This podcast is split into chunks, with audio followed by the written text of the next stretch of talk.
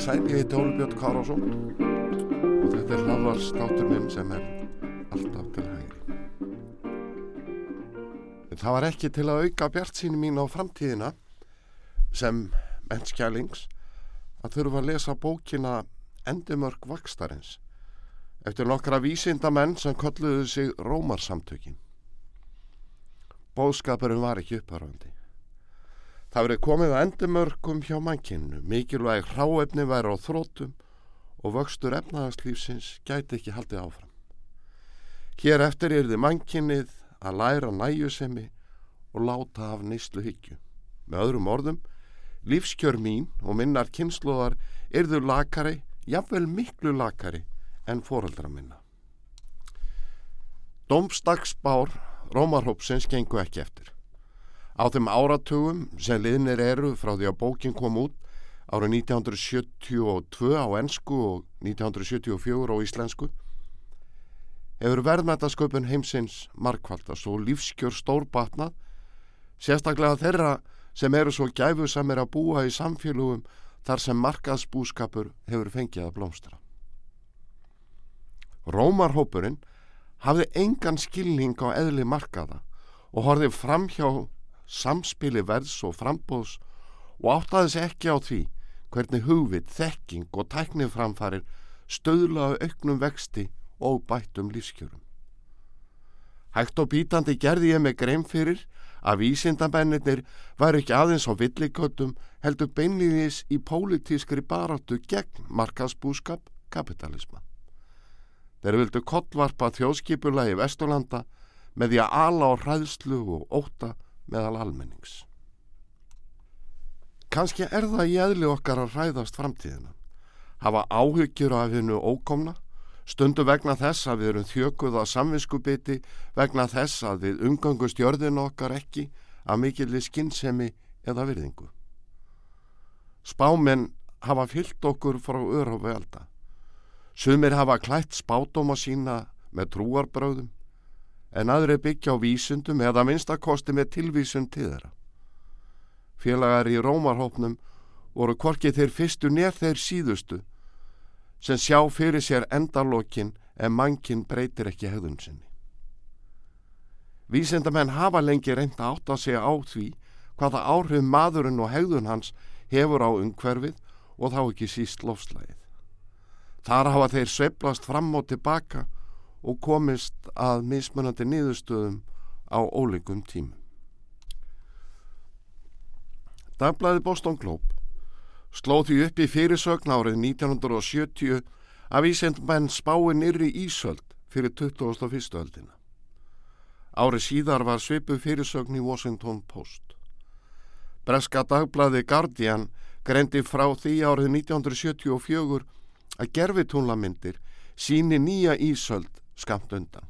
Sama ár flutti Reuters fréttastofa svipaða frétt. Tímarætti Time varaði einnig við Ísöld. Það voru engin hlýjendi í kortónu sem sagt. Þert á móti kolnun.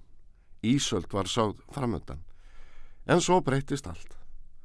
Hækkandi sjáarstaða vegna hlínunar mun útrýma þjóðum fyrir árið 2000, sagði frétt AP 1989. Fréttastofan greindi frá því að saminuð þjóðunar spái hörmungum ef hlínun jarðar verður ekki stöðuð.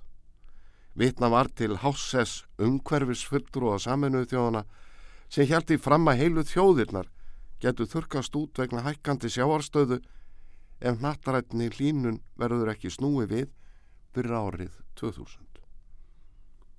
Frettin tónaði ákjallega við frásögn í New York Times 42 árum áður, þar að segja áður og löngu áður en menn byrjuði að tala um Ísöld, þar sem haftar eftir vísindamanni að hlínandi norðurskautslofslag leti til bráðnunar jökla og hækkandi sjávarstöðu. Árið 2007 spáði milliríkja nefnd samiðnu þjóðana um lofslagsbreytingar í PCC því að Himalaya-jöklar myndu hverfa árið 2035. Þetta var að vísu síðar dreyið tilbaka með þeirru útskýringu að spáinn hefði ekki verið byggð á réttrindum gögnum heldur fjölmiðla viðtali við vísindamann árið 1999. Al Gore, fyrirverandi varafosti bandaríkjana, heldi fram árið 2008 að allur ís á norðupólunum hverfi á komandi fimm árum. Tveimur árum áður brindi varafossetin fyrirverandi leitu og heims til að grípa til rótækra ráðstafana, til að draga úr losun gróðurhúsa loftegunda. Annars stefni í neyðarástand og innan tíu ára er það ekki snúið tilbaka. Árið 2016 kom og fór. Árið 2019 skrifaði Al Gore bladagrein undir fyrirsögni Það er ekki á send. Árið 2009 var Karl Bretaprins, nú konungur, samfarður um aðeins 96 mánuður væri til stefnu til að bjarga heiminum. Gordon Brown, þá var endur fósættisaráþur að Bretlands, var skýr í ræðu í oktober 2009 í aðdraðanda lofslagsarástefnu saminuð þjóðan í Kaupana. Ráðamenn heimsins hefðu 50 daga til að sannmælast um stefnu í lofslagsmálum fyrir næstu 50 ár. Annars er þið skadan af óheftri losun, gróðurhús á lofttegunda, óafturkræður. Og fyrir skömmu gaf áðurnemnd milliríkjanend saminu þjóðanu lofslagsbreytingar út nýja og dökka skýslu um stöðuna í lofslagsmálun og línun jarðar. Heimurinn á aðeins eitt og jáfnfram síðasta tækifæri til að breytum stefnu. Innríkin verða að saminast án tafar um að minga losun gróðurhúsa loftegunda um helming fyrir árið 2030 og hægt að bæta koltvísringi í andrúsloftið með öllu árið 2050. Með því séu 50% líkur á að hægt sé að halda hlínun jarðar við 1,5 gráður á Celsius. Kallað er eftir miljardar dollara framlögum frá innríkjum til þróunaríkja til að tryggja réttláta umskiptingu yfir í endur nýjalega orku. Antonia Contreras, aðalrítari saminuðu þóna, segi skýslun að vera leiðarvísi til að bjarga vankinnu, sem sé á bjargbrún.